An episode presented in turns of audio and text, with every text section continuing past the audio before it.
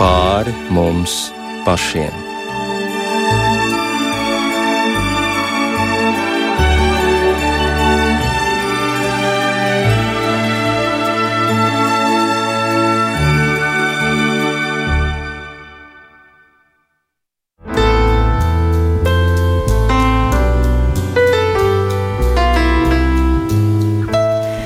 Esiet sveicināti raidījumā pāri mums pašiem, lai ir slavēts Jēzus Kristus. Studijā Inte Zēgnere par skanējumu rūpējas Rita Karnača un mūsu raidījuma viesi ir Salaspils katoļu draudzes prāvests Ilmārs Tolstovs. Labvakar! Labvakar!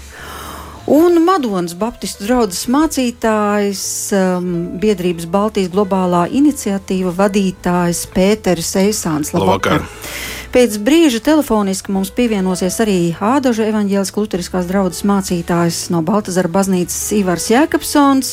Mēs iepriekšējā svētdienā runājām par mieru un bija cerība, kaut arī vārga, ka miers tiks saglabāts un ka ar mieru un lūkšanu mēs varēsim ieiet gavēņa laikā, jo jau nākošajā trešdienā līdz ar pelnu dienu sākas lielais gavēnis. Taču pasaules notikumi ir risinājušies citādāk, un cilvēki visā pasaulē šobrīd lūdz un gavē par Ukrainu lūdzot izturību, nesot šajā ciešanu laikā viņus uz lūkšanu rokām, un katrs cenšas palīdzēt, kā vien spēj. Bet kā par šo situāciju iestājas kristieši, lielāko baznīcu, lielāko konfesiju vadītāji, kādas ziņas mēs saņemam no pasaules, par to mēs runāsim šovakar raidījumā, un, protams, runāsim arī, kāpēc gavēnis kopā ar lūkšanu tiek uzskatīts par ļoti spēcīgu garīgu ieroci, tā skaitā pat karu apstādināšanai. Nu, tā tad vispirms par to, kā reaģē pasaule. Vaicāšu Ilmāram, kādas ziņas no Romas, kādas ziņas no Vatikāna? Kā pāvests ir reaģējis? Pāvests jau ilgāku laiku seko līdz notikumam Ukrajinā, arī savā gan trešdienas audiencēs, gan arī svētdienas uzrunā e, pirms kunga eņģeles lūgšanu. Viņš ir pieminējis Ukrajinu, aicinājis e, apturēt agresīvu karu Un pavisam nesen, dažas dienas iepriekš, notika tāds bezprecedenta gadījums, ka pāvests ar vienkāršu mašīnu aizbrauca uz tātad, Krievijas vēstniecību Vatikānā un nevis eh, pie sevis izsauca vēstnieku, bet pats aizbrauca pie vēstnieka un ar viņu runāja. Mēs nezinām, ko viņi runāja, bet jebkurā gadījumā tas ir tāds nu, nebijis žests, ka pats pāvests eh, kāp mašīnā un brauc uz, uz, uz eh, sakot, pie vēstnieka, kas ir akreditēts Vatikānā. Tad tas norāda to, ka šī situācija ļoti nopietna, un arī pāvests ir izsludinājis vai lūdzis visu katolisko pasauli nākamajā trešdienā, kad mums kā katoļu ticīgo saista stingrs gavēnis. Un, ja skatās baznīcā, tad ir tikai divas dienas gadā, kad mēs stingri gavējam. Tā ir pelnu trešdiena, lielā piekdiena. Tas ir katoļiem ir noteikts, ka mēs tikai vienu reizi dienā ēdam līdz sātam, tātad kārtīgi. Tas nozīmē, ka tas ir obligāts katoļu ticīgiem, un pāvests vienkārši aicina šai jau, jau baznīcas noteiktai dienai pievienot šo īpašo nodomu, to darīt tādā nodomā par mieru Ukrainā, par mieru Krievijā, par mieru tajā reģionā. Mēs redzam, ka šis konflikts jau izplatās, turpat arī ar Baltkrieviju. Ja tā ir tā uguns, kas sāk, sāk gruzdēt arī apkārt. Mēs tiešām aptveram visu šo konfliktu, visas šīs valstis, un pāvests no visas sirds aicina iesaistīties un, un ielikt šo nodomu Dievu rokās. Jā, viņam arī ir bijusi saruna, telefona saruna ar Ukrainas prezidentu Volodimiru Zelenski vakar. Jā, jo tāpēc, ka Ukrainā ir ļoti spēcīga eh, katoļu kopiena, ne tikai Romas rīta katoļu, bet arī grieķu rīta katoļu, un līdz ar to eh, pāvestam ir eh, svarīga šī, šī saikne, šī komunikācija ar prezidentu. Viņš iepriekšējais pāvests tātad ir bijis pats Ukrainā, ir bijusi vizīte, pāvesta vizīte Ukrainā. Tātad nav tā, ka baznīca nezinātu šo situāciju. Un ir, es varētu teikt, ka man, iz, man bija iespēja studēt Ljubļinā Ljubljanas Katoļu universitātē, kas atrodas 100 km no Ukrainas robežas.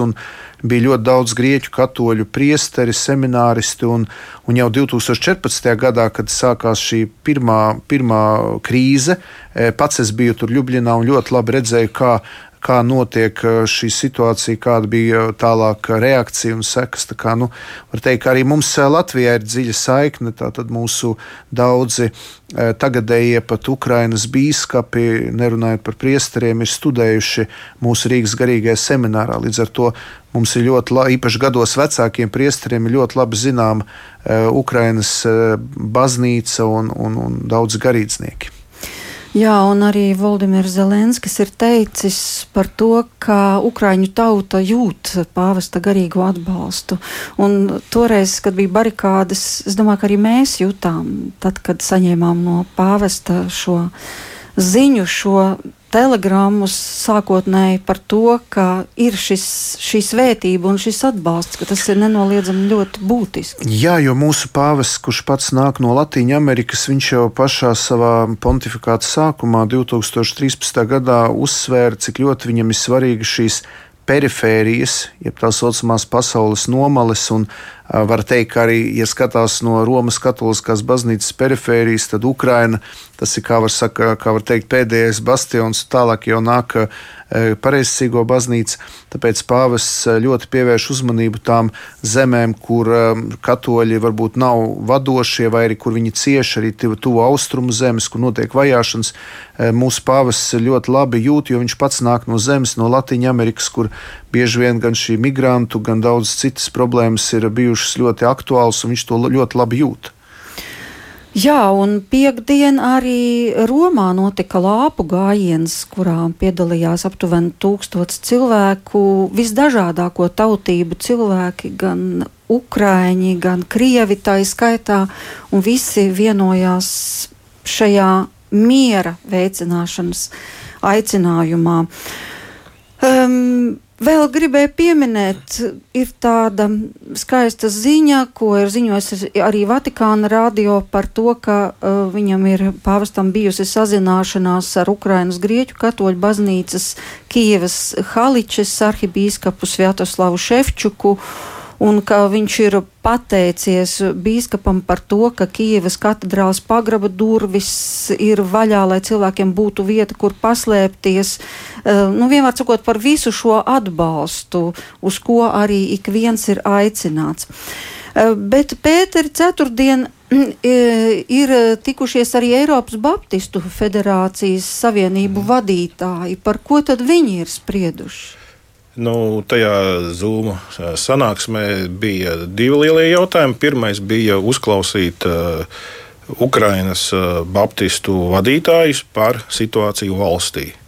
Un otrais jautājums - lemt, uzklausot ziņojumu par to, kas ir viņiem aktuālākais, par palīdzību.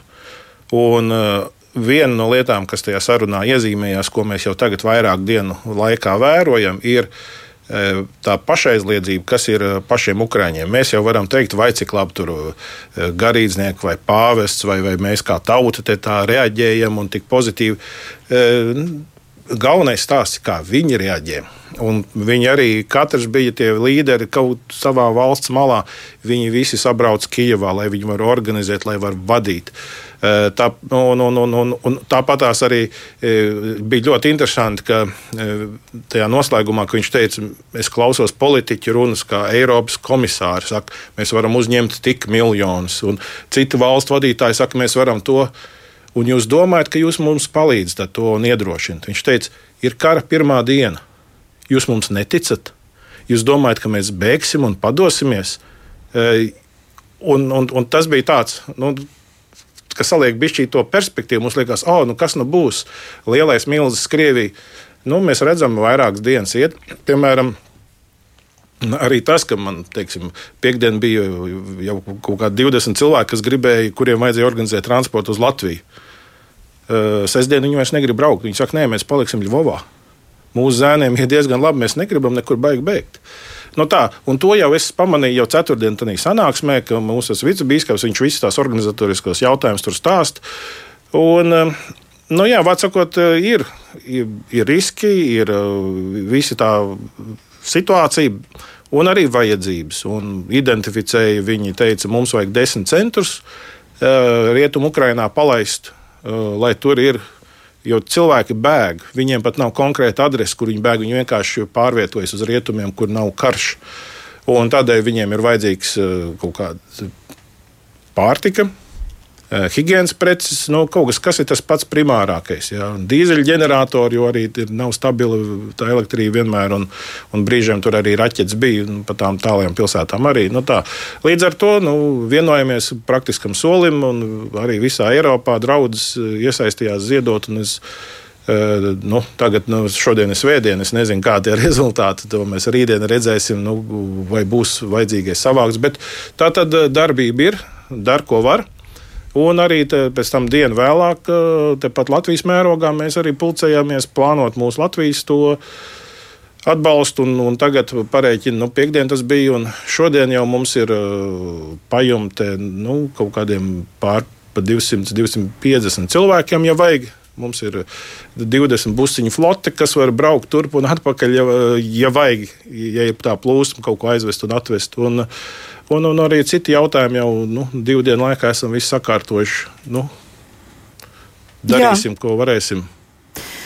Nu, katrā ziņā šīs sanāksmes sakarā mani daži fakti diezgan šokējoši pārsteidz. Es saprotu, ka tā bija sazināšanās ar Ukraiņas Baptistu Savienības viceprezidentu Igoru Bandūru. Jā.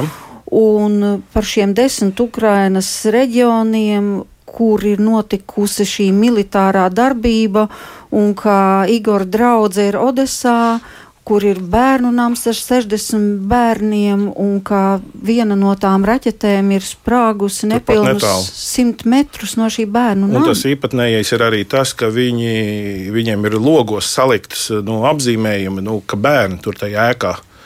Un Un, un tomēr tas uh, nebija nekādā veidā pasargājis. Nu, tas parāda to, cik uh, vai nu tie ieroči ir neprecīzi, vai, vai, vai neprot viņiem aprieties, vai, vai arī vēl kādi tur blakus uh, efekti. Nu, tad, cik civiliedzīvotāji neaizsargā, tāpat tās no. No ziemeļiem bija arī viena īziņa, kur tieši bija pa vienu dievnam, bija arī bija trāpīts dievnamam jau ēkā un jau bija postījumi. Un, un, un, no tā, līdz ar to tās ziņas, diemžēl, notiek. Nu, tādi no fakti ir, un tas ir karš.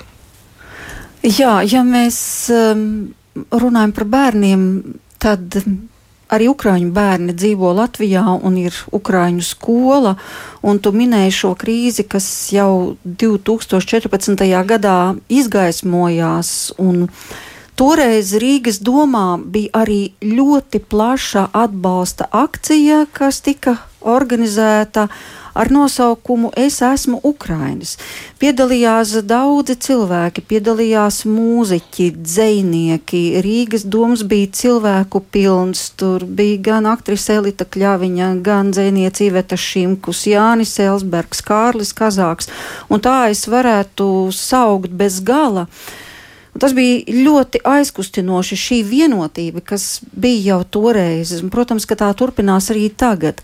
Bet no šī 14. gada ir saglabājies, tagad jau varētu sacīt, vēsturisks ieraksts pirms astoņiem gadiem kad uh, dziesmu ukrāņu valodā dziedāja arī bērni no šīs ukrāņu skolas ansamblis Leļitki.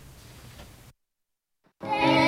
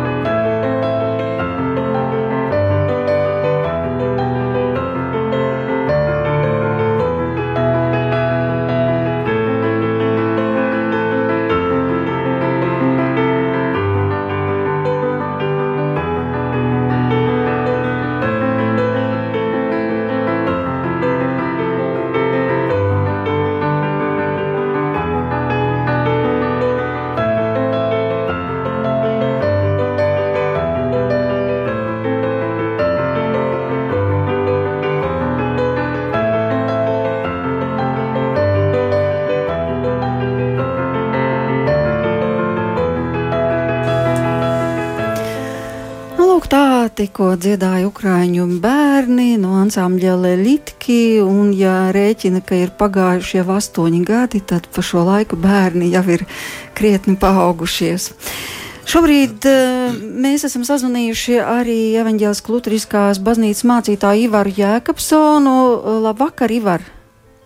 Labvakar, sveicināti no ādažiem! Uh, sveiks šajā vakarā! Gribu vaicāt arī, uh, kādas ir iniciatīvas vai aicinājumi no Lutāņu baznīcas puses, nu, palīdzot Ukrainai?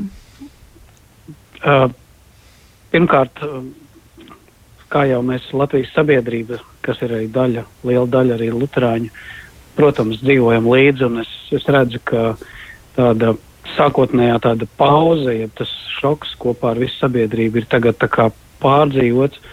Bet uh, pēc būtības jau pašā sākumā uh, tas galvenais ierocis, kas ir ņemts rokās, ir uh, lūkšanas, lūkšanas un lūkšanas. Un tas ir izveidojies par tādu iniciatīvu, kur, kur aicina arī arhibīskaps Eh, katru dienu, pulksten 12.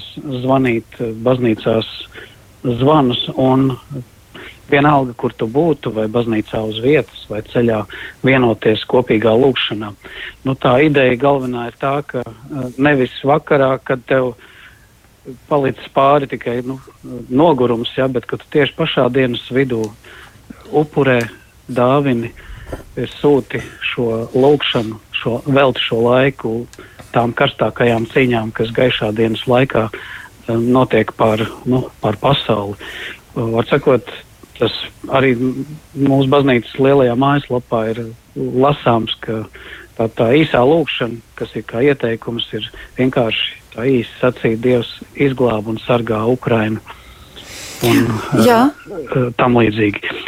Nu, un, uh, draudzēs draudzēs arī tās iniciatīvas lūkšanai ir, ir, ir dzīves, un arī svētdienas dievkalpojumā es redzēju cilvēkos, um, uh, nu, varētu teikt, nu, tās asars, kas, kas ir visiem, kad, kad piemin šo traģēdiju, kas notiek. Katrā ziņā arhibīskaps savā uh, nu, ziņojumā, ja pamudinājumā arī uh, lūdza uh, būt šajā lūkšanā un uh, saprast, ka uh, uh, te ir nepieciešama žēlstības izlūkšanās. Uh, un vēl uh, tie citi pamudinājumi ir pievērsties uh, vairāk šajā laikā, ceļš arī gaveņu laikā un arī vispār šajā laikā domājot par procesiem pasaulē, kas skar, protams, arī Latviju. Ir uh, pievērsties patiesībai, nu, atsijāt melus no patiesības un solidaritātei, nu, saprast, ka te uh, mums ir jābūt gataviem atvērt savus īpašumus, savus namus, uh, un pat savus maciņus ziedojot un atbalstot uh, kaimiņus. Un, uh, tas interesantais, ko arhibīskaps Jānis Vanaks lūdz, ir arī domāt par vienotību, ka nu, šis nav vienkārši Krievu vai Ukrāņu vai Latviešu karš. Te ir drīzāk karš par uh, pasaulēm, uh, imperialistu karš pret tautu pašnoteikšanos, totālismu karš pret brīvības ideju. Un tādēļ šī laika situācija var nu, dot iemeslu uh, iekšējiem konfliktiem, iekšējai sašķeltībai, kur uh, ļaunums var uzdiedzēt rūkumu, naida sēklu tepat mūsu sirdīs. Tādēļ arī no tā, lai Dievs mūs pasargā, ir, ir šis pamudinājums. Jā, bet par šo laiku, pulksten 12. dienā, tas nozīmē, ka neatkarīgi no tā, vai es dzirdu baznīcas zvanus skanam vai nē, es vienkārši pulksten 12. apstājos kaut uz minūti savos darbos, ja tas Jā. ir iespējams, un, un lūdzu Vai tas ir tā Jā. domāts, tāda vienošanās? Tas ir tā domāts. Tā ir tāda kā īpašais lūkšanas laiks, kad mēs esam vienojušies mūsu baznīcās un daudzas draudzes ir atsaukušās, lai vienkārši tajā minūtē kavētos. Es to uztveru kā kaut ko tādu, kas nu, man uh, iedvesmo tai domai, ka, nu, ja to minūti, piec minūti, varbūt kaut ko vairāk uh, veltītu ne tikai mēs, bet veltītu lielāka daļa pasaules. Un ne tikai uh, tie, kas ir malā, bet tie, kas ir iesaistīti konfliktā, pat pretēji karojošās puses. Ja šī personīgā ieklausīšanās tajā brīdī, ko Dievs liek tavā sirdī, tā no sirds paskatīšanās, simboliski sakot, Jēzus acīs, es domāju, no tā mirkļa mēs iznāktu ārā citādāki.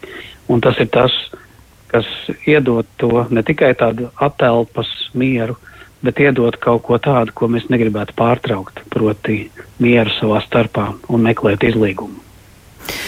Jā, es domāju, ka daudzus no jums Vācijā iespējams ir sasnieguši šī ziņa no Ukrainas. Grūti pateikt, cik tā ir patiesa vai varbūt mazliet cerīgāka par patiesu, par to, ka tur cilvēki uz vietas, un tā skaitā arī karavīri, ka viņi uh, jūt šo uh, lūkšanas spēku, ka dažkārt situācijas pat risinās nu, kaut kā brīnumainā veidā, un, un nu, kaut kādā veidā, vai jūs ticat, ka tā ir patiesa ziņa?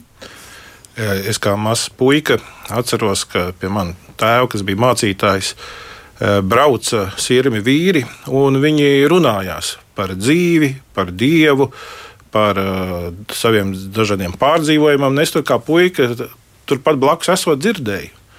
Un tie vīri, sirmie, viņi bija karu pārdzīvojuši. Viņi bija bijuši kara darbībā, iesaistīti, un tur bija šie stāsti, ko viņi pieaugušie savā starpā runāja, kā puika dzirdēja. Kā īpašos brīžos Dievs bija stāvējis klāt. Tur uh, vienam uh, jaunā derība vienmēr kabatā šķemba, trāpa un pamata tiesa, lai iziet cauri ķermeni, viņa ir iesprūdusi Dieva vārdā. Ja. Eh, un, un tādi citi dažādi stāsti. Nu, tagad, eh, kad es atceros, tur nebija viens, bet vairāk, un tie formēja manī kā tādā bērnā apziņu. Eh, ka karš ir ļoti neparedzējams un ļoti tāds nekādā veidā, ka tu nevari sev kaut kā darīt kaut ko, lai noteikti pasargātu. Tu nevari to tā precīzi neko prognozēt. Viņš ir tik haotisks. Un tomēr, tā, kad tu tam izēji cauri, tas cilvēks, kas to piedzīvojis, viņš saka, Dieva roka mani veda.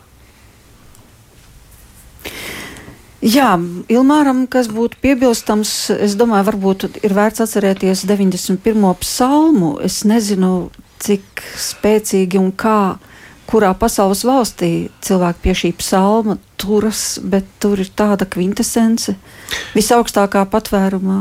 Es domāju, ka šajā situācijā mēs apzināmies to trauslumu, kādā mēs esam, jo e, mēs redzam arī, cik trausls miers ir mūsu sirdīs.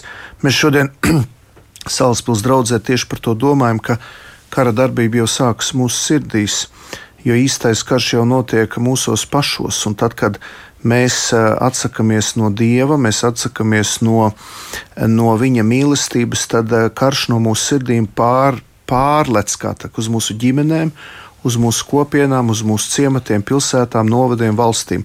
Es gribu šeit arī pieminēt, eh, mums ir tāda lieta, ka mēs atceramies, ka 1917. gadā bija šie Fatimas, Fatimas atklāsmes baznīcā, kur mēs zinām, ka bija šīs diamāts parādīšanās. Un, uh, E, ir tāds skaidrs vēstījums, ka ir jālūdz par Krievijas atgriešanos. Arī Pāvests Jānis Pauls II ir veltījis Krieviju tādai īpašai dieva aizsardzībai. Nu, tad arī Krievijas sistēma sabruktu. Jā, un mēs šeit redzam, cik ļoti svarīgi ir lūgties par um, pašu Krievijas cilvēku sirds atgriešanos. Es pat šodien atļāvos dievkalpojumus uzsvērt, ka tas nav Ukrainas konflikts, ka tas ir Krievijas konflikts, ka tā ir Krievijas problēma.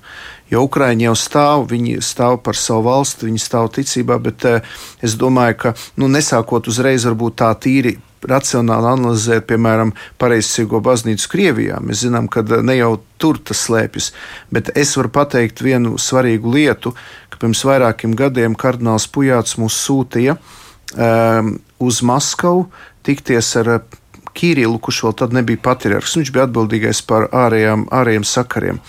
Un, uh, tur bija bijušo Padomju Savienību republiku pārstāvi, un uh, viņš toreiz uzdeva jautājumu visiem, kāpēc mēs visi nemīlam Krievus.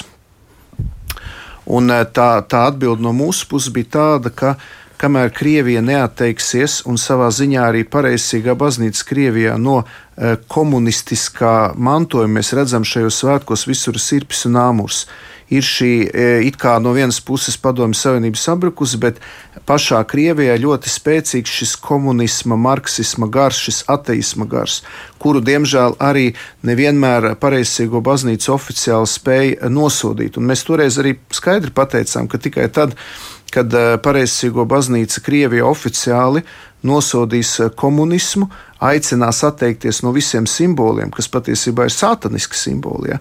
tikmēr nebūs šī atmodu, šī garīga atzimšana. Un es domāju, ka šeit mēs redzam šīs sadursmes, kas notiek. Un te slēpjas tā mūsu galvenā lūkšana, ka mums ir jālūdz par Krievijas patiesu, reālu, dziļu atgriešanos. Ja atgriezīsies krievu cilvēki, sāksies iekšēji garīga atmoda, un tad arī nebūs iespējams, ka pie varas nāks šāds, šāds tirāns, šīds, šāds despots. Jo, ja nenotiek atgrie, dziļa atgriešanās pašā tautā, labi, šobrīd ir Putins, bet aiz viņa var būt kāds cits. E, problēma var e, palikt tā pati. Tā kā mums jālūdzas par visu šo cilvēku atgriešanos, lai nāk garīga atmodu. Es domāju, ka brāļi arī piekritīs, ka garīga atmodu ir tā atslēga, kas var patiešām atrisināt šos, šos vardarbīgos konfliktus. Bet, kad mēs paskatāmies uz to sakni, jau no pašiem Bībeles sākumiem, kur mums ir stāsts par Kains un Ābels.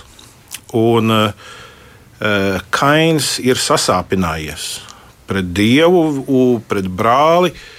Viņa ego ir aizvainots. Kaut kādā veidā viņš jūtas pazemots, nenovērtēts, un visums viņam ir nodarījis pāri. Un tajā brīdī Dievs viņam saka, Kain, tavā durvī priekšā grēks pielīdis, bet tev būs valdīti pār viņu. Un Kains neiztur šo pārbaudi. Un mēs redzam, kur tas aizved pie slepkavības. Un, eh, līdz ar to, ja mēs skatāmies, šis stāsts der individam, tas der nācijai. Šis stāsts ietver visu. Un, mēs redzam, ka Bībele interpretē realitāti, un mēs to pieņemam, viņš uzreiz paliek kaut kā klārāks. Un kas tad notiek šeit ar uh, Krieviju, ar visu to? Uh, pēc tā, ka varanā PSRS sabruka, viņi sajūtās nu, nenovērtēt. Viņi sajūtās aizvainot mūsu diženums, nu, tāds bija šķīt piesmiets. Un tas bija tas brīdis, kad bija vajadzīga tā garīga atmoda, lai tas rūkuma grēks, kas tur tagad var iesakņoties, lai viņi tiktu galā. Mm. Bet tas nenotika. Un tagad uh, tas tiek izmantots, lai celtu popularitāti, reitingus un Uh, un līdz ar to dzītu to ķīlu vēl dziļāk, bet tas ir ceļš uz nekurieni. Un tādēļ uh, ļoti svarīgi arī šajā situācijā es vēroju, es, es saprotu politiķus, es saprotu mūsu šeit Latvijā. Mēs arī esam kaut kādā veidā sāpināti no tā vēstures. Ja? Uh, bet mums ir jāsaprot viena, ka te nav ekonomiska vai politiska cīņa, vien tā ir arī garīga dinamika. Un mums kā kristiešiem jābūt vismaz tiem, kas to saprot. Ja, ka mēs neļa, nelējam eļļu tajā nu, politisko risinājumu ugunī vai, vai kaut ko tādu. Politiķiem jādara savs darbs, bet mums, kā garīdzniekiem, mums, kā kristiešiem, mums, kas sevi saucam par zemes sāli, mums ir pie tās eh, garīgās saknes jāsaredz to dinamiku, jāsaprot. Un tā tiešām ir garīga dinamika katra individu līmenī un arī sabiedrības līmenī. Un tāpēc viens no tādiem no gudrs cilvēks, muļķis mācās un pat nemācās no savām kļūdām, gudrais mācās no citu kļūdām. Eh, lai Dievs palīdz mums Latvijā šeit būt gudriem, vērot notiekošo un būt nomodā par tiem rūkumiem, individuālā līmenī, kas mums ir, sasāpinājumi pret kaut ko eh, savā ģimenē, radulokā, kaimiņu vai tādā līmenī, bet arī kā nācijai. Mums ir jāuzmanās, ka mēs uh, netiekam no kaut kāda pagātnes sāpēm, rētām tā pārņemti, ka tas iespaido mūsu. Un mums arī, kā kainam, tad dievam jāsaka, uzmanies. Grēks tavā durvī priekšā, tas var iesakņoties. Mēs neesam tik lieli, lai uzreiz iet un darītu pār citiem. Tas varbūt liek mums dzīvot tādā ilūzijā, no nu, ar mums viss ir kārtībā. ja? Eh, bet, bet par to dinamiku mums jābūt nomodā arī pašiem, skatoties uz sevi spogulī. Jā, Ivar, es gribu, lai tu turpini šo tikko izteikto domu par to, nu jā, mēs tomēr, protams, fokusējamies uz Ukrainu, bet cilvēki jau arī saprot, ka ja Krievijā sāksies atmoda, tad arī vispār situācija var mainīties. Tad ko tu saki par šo lūkšanu? Tas, ko to, ko nevar izdarīt ar ieročiem, ko nevar izdarīt ar politiku, Dievs var panākt ar saviem vien zināmiem resursiem. Man vienmēr ir palicis tikai tāds noslēpums, tā cilvēka brīvība, kurš nu, atsaucas vai neatsaucas tam Dieva pamudinājumam. Es esmu no dzīves nu, pieredzē redzējis, ka pat visdegradētākais pusaudzis vai cilvēks, e, ilgojoties nu, tikai apmierināt savas kaislības, patiesībā dziļākā būtībā uh, sapņo pēc kaut kā laba. Un, uh, kur ir tas labais, pēc kā ilgojas uh, nu, šī lielā tauta, kur patiesībā nespējot savaldīt sevi, nu, liek ciest kaimiņiem? Jā, tas ir tas jautājums, kas varbūt palīdz man labāk viņus saprast un just līdzi, nekādā ziņā neataisnojot despotiskās rīcības. Bet šī lūkšana, šis aizlūgums un uh, paša cilvēka novērtējums, uh, kur es redzu gan starp pareizticīgajiem, gan arī starp uh, krieviem, dažādos kontaktos, kur esmu bijis Pēterburgā un citur, ir fantastiski cilvēki. Un uh, tā pašā laikā es redzu, kā viņi paši apiet ar klusēšanu to viņu to to lielo nu, valsts situāciju. Ja, viņi ir kaut kur kā, iebiedēti, un tur, tur ir tāds ledus, tāds svina debesis. Eh, es nezinu, kam tur ir jānotiek, bet varbūt tieši šis satricinājums, kur jau varētu teikt, nu, varētu teikt, viņi paši tagad ir uzrāvušies un tās acis pasaulē veras vaļā.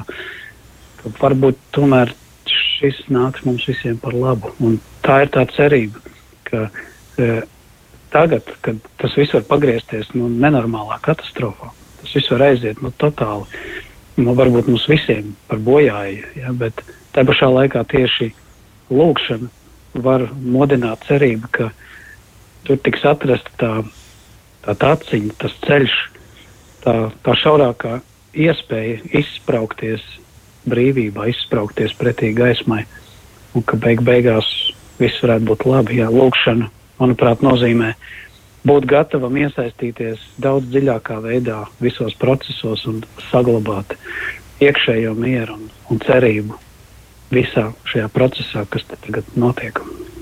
Bet tad varbūt ir jālūdz par drosmi Ukraiņiem, par drosmi Jā, un, un arī, aizsargāties, bet savukārt Krievu tautai par drosmi iziet ielās un, un jā, cīnīties par patiesību. Jā, tas nu, varbūt tā, ka mēs te tagad radio mudinām uz revolūciju un tā tālāk, bet nu, nu, tas nav stāsts par, par kaut kādu. Nu, Nu, taut, tautai ir, nu, Krievijas konstitūcijā ir ierakstīts, ka galvenais tomēr ir tauta. Cik nu, tas formāli izklausās, ka pēdējais vārds nav viss valdniekam, bet, bet tomēr tautai. Un, ja viņam saprot, ka ir iebraukuši grāvī, nu, nu ir laiks nu, ņemt to savās rokās ja, un, un, un signalizēt, nu nav labi, nav labi. Un paldies Dievam, ka ir drosmīgi jauni un vecāki cilvēki un inteliģenti, kas, kas runā, kas nebaidās runāt. Jo tieši šī drosme, par ko tu Inta runā, ir, ir ārkārtīgi svarīga. Es pats zinu, ka pat lieli vīri nu, nodrēb, kad nonāk nāves baļu priekšā. Jo, bet tagad ir tā izvēle starp to, vai nu tā būs brīvība, vai tas gatavs par brīvību maksāt un cīnīties, ja, un gatavs riskēt ar sevi. Nu, tā kā kārtīgam kristietim pienāktos būt uzticamam līdz galam. Jā, un šobrīd vēl atgriezīsimies pie Doma baznīcas un pie šī notikuma, kas notika 2014. gadā. Es tikai gribu piebilst, kas ir arī ļoti svarīgi, ka arī Nu, pat nesen notika ekumēnisks aizlūgums Rīgas domā par Ukrainu, un tad vēl nebija sākusies kara darbība. Bet patiesībā arhibīskapam Jānim Vanagam toreiz izskanēja visai pravietiski vārdi.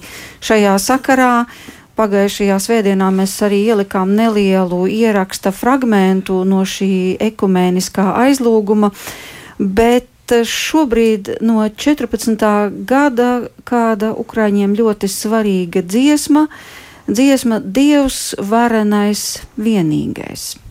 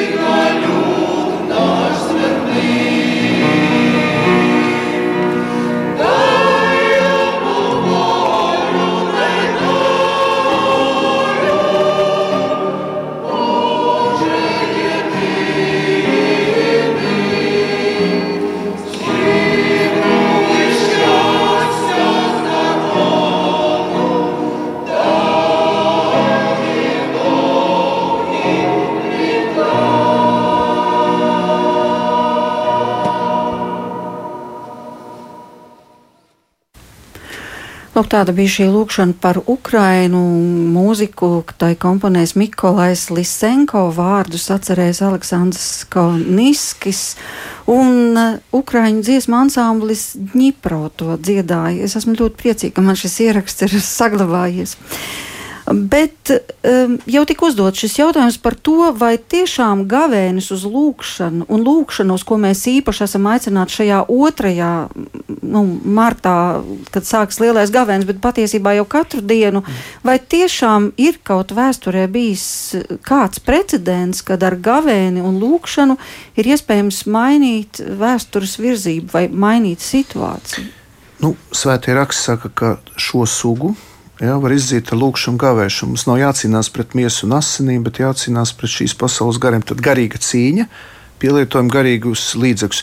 Protams, ir arī fiziska cīņa, bet to izcīna karaspēks, bet jāiet vispirms ir gara spēkam. Jā, tad gara spēks, lūkšana un gavēnis. Un, e, man nāk prātā e, te, šī situācija, kas bija pēc otrā pasaules kara, kad e, Padomju Savienība bija iecerējusi arī Austriju iekļaut eh, sociālistisko valstu blokā, pietuvojas tanki un vairāki miljoni austriešu izgāja ārā ielās un lūdzās rožakroņu. Tātad viņi katoļi, viņi lūdzās rožakroņus, šo spēcīgo meditācijas lūgšanu, un neizskaidrojumu iemeslu dēļ tanki pagriezās atpakaļ, un Austrija saglabāja savu neatkarību, neiekļaujoties eh, padomu blokā. Un, ko es gribu teikt, tā kā es esmu, tagad es arī vēršos īpaši pie katoļticīgās auditorijas, es nāku no Salaspils, kuras tituls, draudzes tituls ir Rožakroņa karalienes tituls.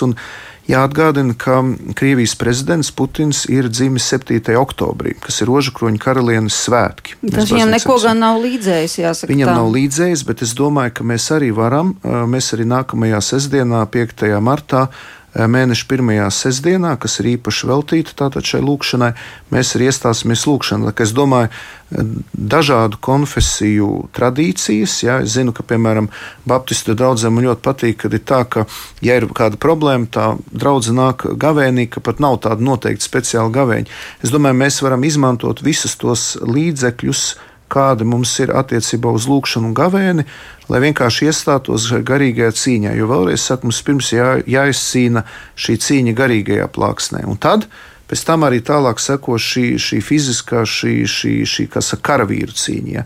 Tā kā to es ļoti izjūtu, un bija arī mm, vien, viens tāds viens, saka, intervija vai raidījums, kur tieši tas tika uzsvērts no Ukraiņu puses, ka viņi redz šo tādu garīgu cīņu un nepieciešamību eh, tiešām nostāties lielam cilvēku daudzumam šajā lūkšanā no dažādām konfesijām, eh, konkrēti, spēcīgi lūdzot un gavējot, lai triumfē miers, mīlestība, lai uzvar eh, Kristus, lai uzvar viņa valstību.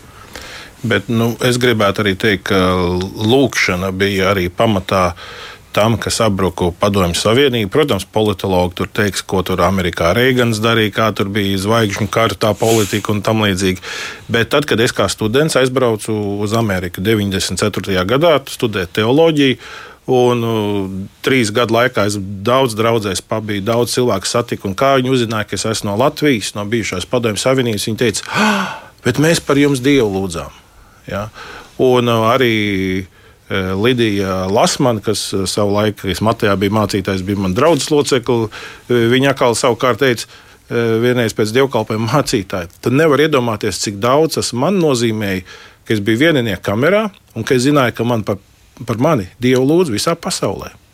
Tā tad gan personīgajā līmenī, gan arī tādā valstiskā līmenī.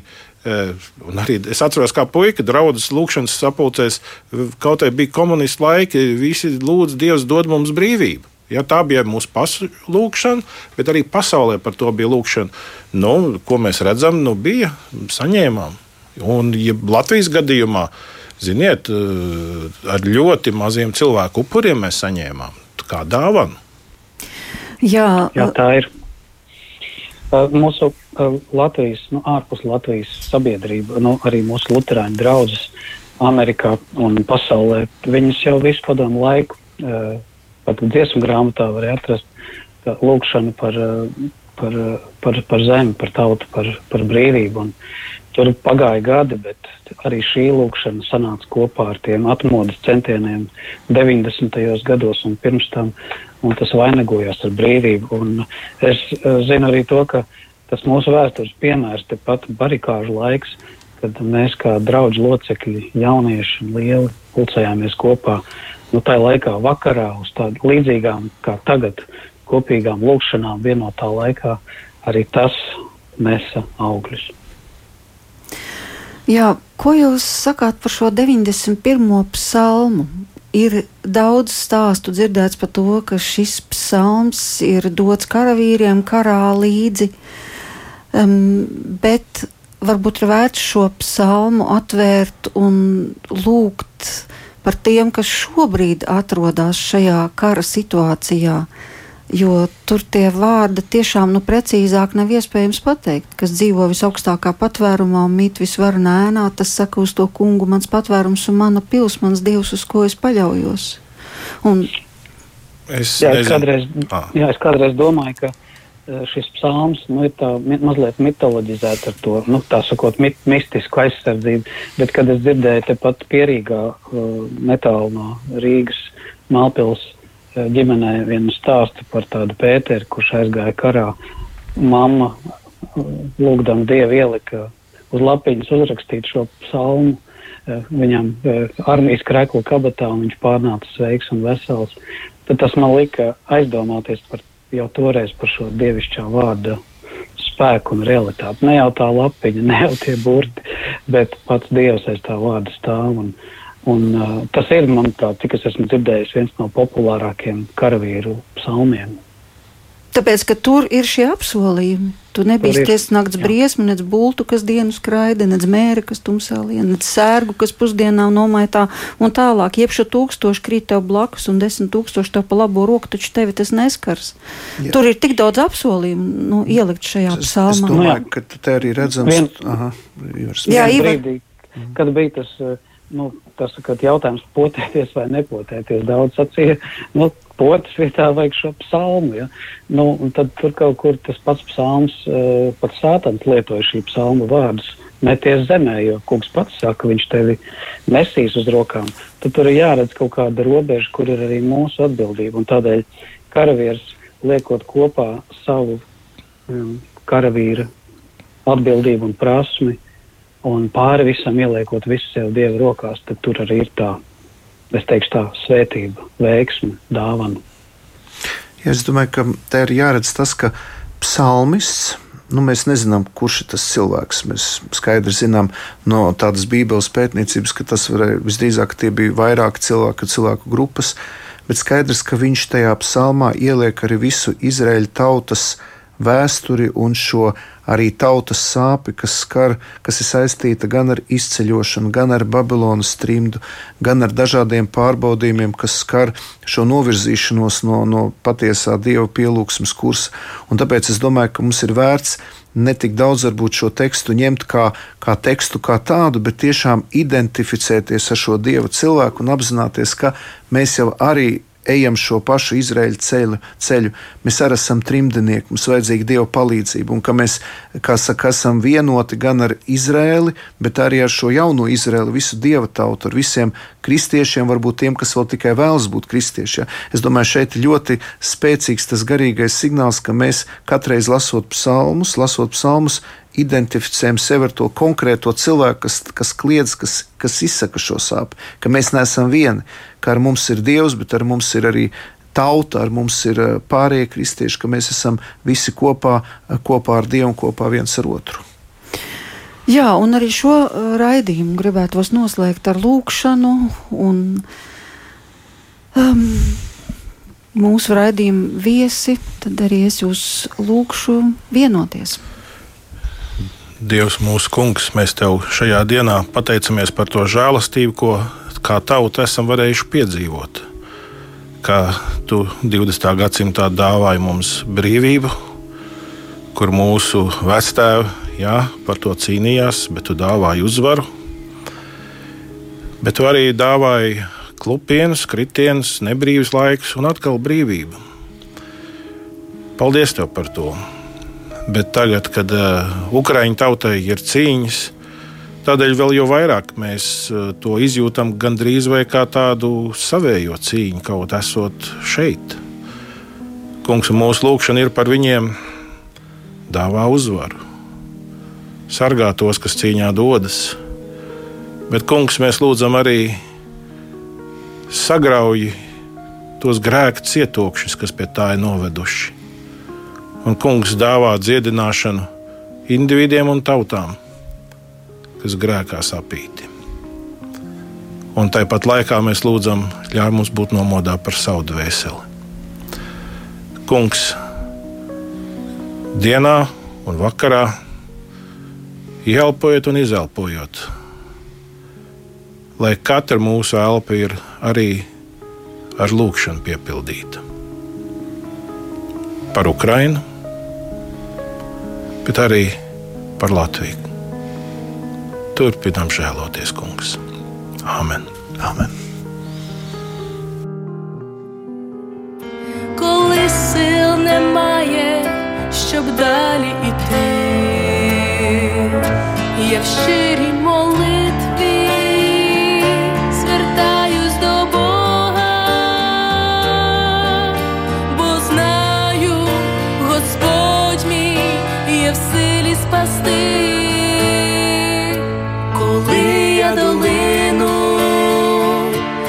Темряви проходжу,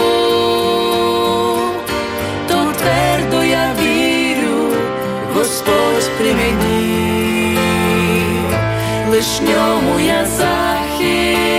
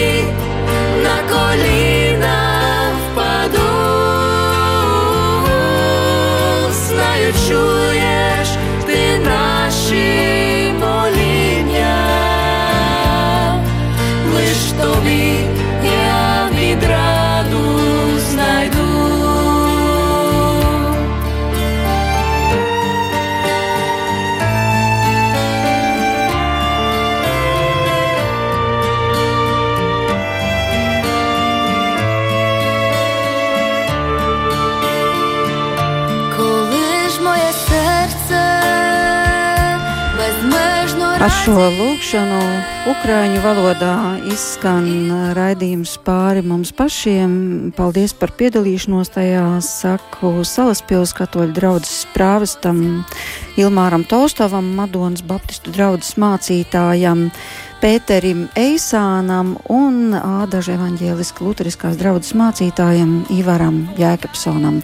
Kopā ar jums šovakar bija Inte Zēgnere, bet par skanējumu rūpējās Rita Karnačam.